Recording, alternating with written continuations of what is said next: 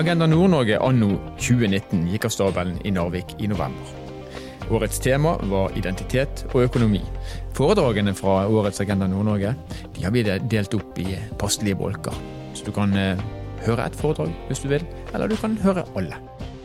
Du lytter på Nord-Norge i verden. Mitt navn er Stein Vidar Loftaas. Og med det så setter jeg over til eh, konferansieren, som var Frank Jørstad.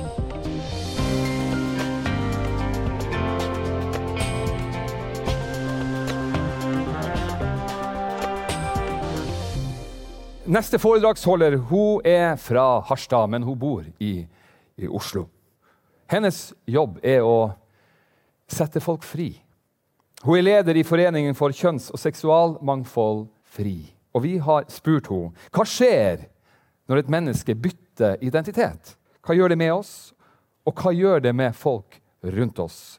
Ta godt imot den begavede Ingvild Endestad.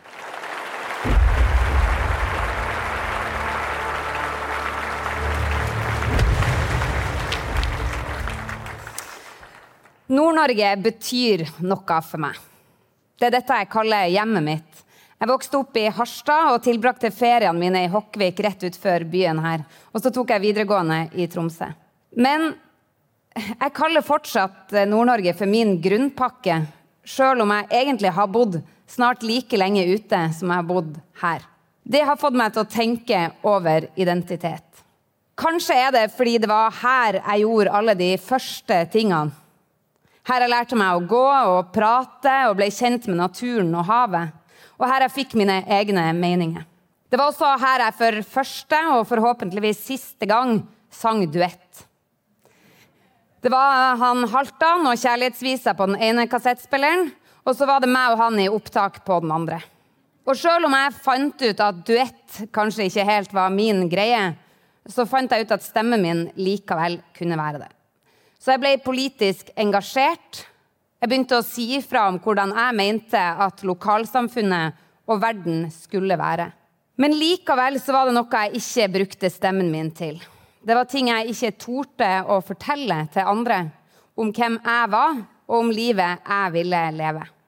Og jo eldre jeg ble, jo vanskeligere ble det å skulle se for seg et liv her i nord. For jeg passa ikke helt inn i de fortellingene som jeg vokste opp med, og som jeg etter hvert begynte å fortelle sjøl også. For det var kanskje sånn at jeg ikke var helt som jeg burde være. Ga denne kulturen meg plass til å elske den jeg ville, og fortsatt høre til her? Var jeg fri nok til å kunne velge mitt liv og min identitet? Den sjansen torde ikke jeg å ta. Den var for viktig for meg. Så jeg flytta. Eller er det egentlig flytting hvis det ikke er noe alternativ å bli? Hvis folk ikke kan leve som hele seg, så kan ikke vi heller forvente at de blir. Så selv om vi kaller det utflytting, så er det kanskje i noen tilfeller utkasting. For de som blir, og som forteller om sin identitet, de kan også få hele livet sitt snudd på hodet. Her i Nord-Norge så sier hver femte person at de mener at homofile ikke skal ha de samme rettighetene som heterofile. Like mange har negative holdninger til folk som kler eller oppfører seg som det andre kjønn. Så hvor fristende er det egentlig å bli da? Hvis hver femte person du møter, hadde vært negativ hvis de visste om din identitet. Når vi kaller det utflytting, så flytter vi også ansvaret over på den personen som drar. Og det er en ansvarsfraskrivelse.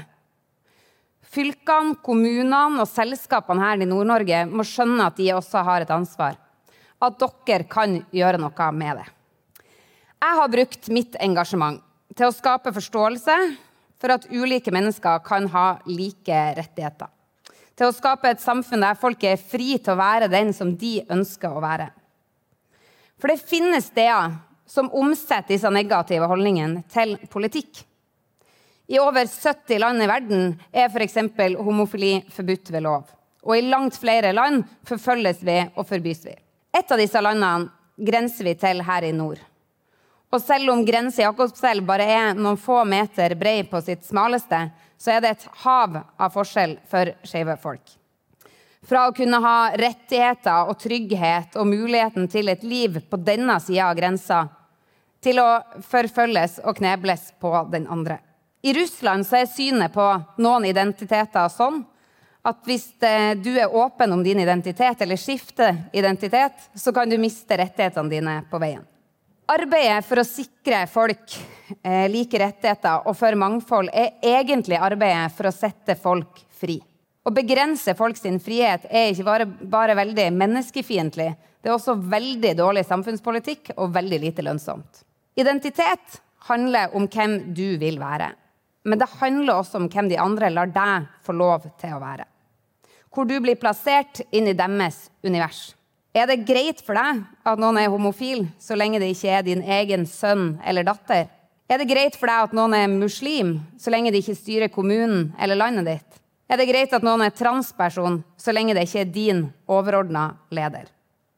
Identitet det handler om hvem vi vil være, men det handler også om hvem andre lar oss få lov til å være. Og mange er usikre på om det er plass til dem her.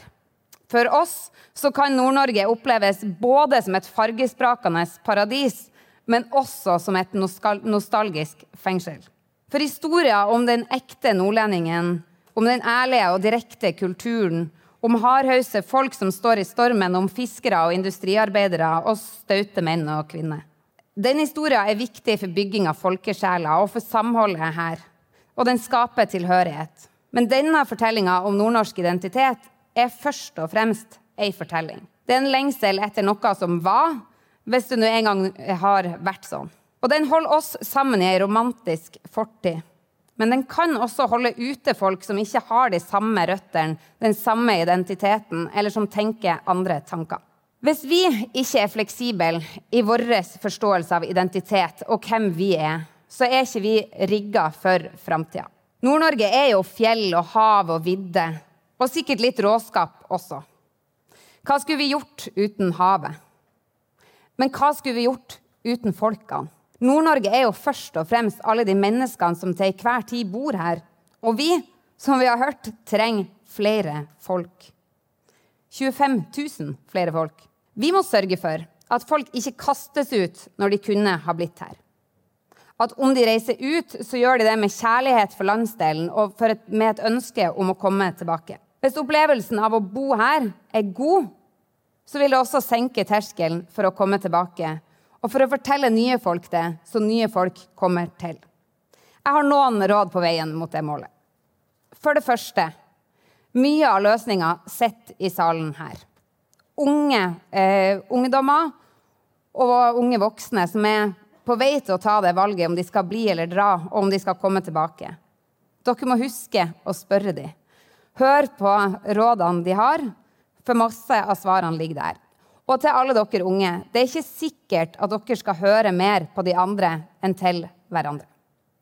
For det andre, la folkene som kommer hit, få lov til å være med og skape. Vi skal være glad for at folk reiser ut, får utdanning, tanker og impulser fra andre steder. Skal vi få de gode ideene hit, så må vi også tørre å lytte og tenke andre tanker. Både fra de som kommer hit for første gang, og de som kommer tilbake. Og for det tredje, vi må åpne opp for mer mangfold. Lokalsamfunn som er gode på mangfold, forhindrer både utflytting og utkasting. Og arbeidsplasser som er gode på mangfold, sørger for å få trygge arbeidstakere som kommer på jobb med hele seg, eh, og de får også velge blant de aller beste hodene. Gjør dere det, så vil Nord-Norge vokse. Da blir det underordna hva folk tror på, hvem de elsker, eller hvordan de ønsker å leve livet sitt. Da blir det viktigere hva de faktisk kan bidra med. 25 000 mennesker er også 25 000 nye muligheter. Dere som sitter her, har muligheten til å sette folk fri. Da vil dere også få verdiskaping tilbake. Tusen takk for meg. Dette var altså et opptak fra årets Agenda Nord-Norge, som ble avholdt i Narvik i november. Vil du høre mer, så finnes det flere episoder. Dette er Nord-Norge verden. Mitt navn er Stein Vidar Loftaas.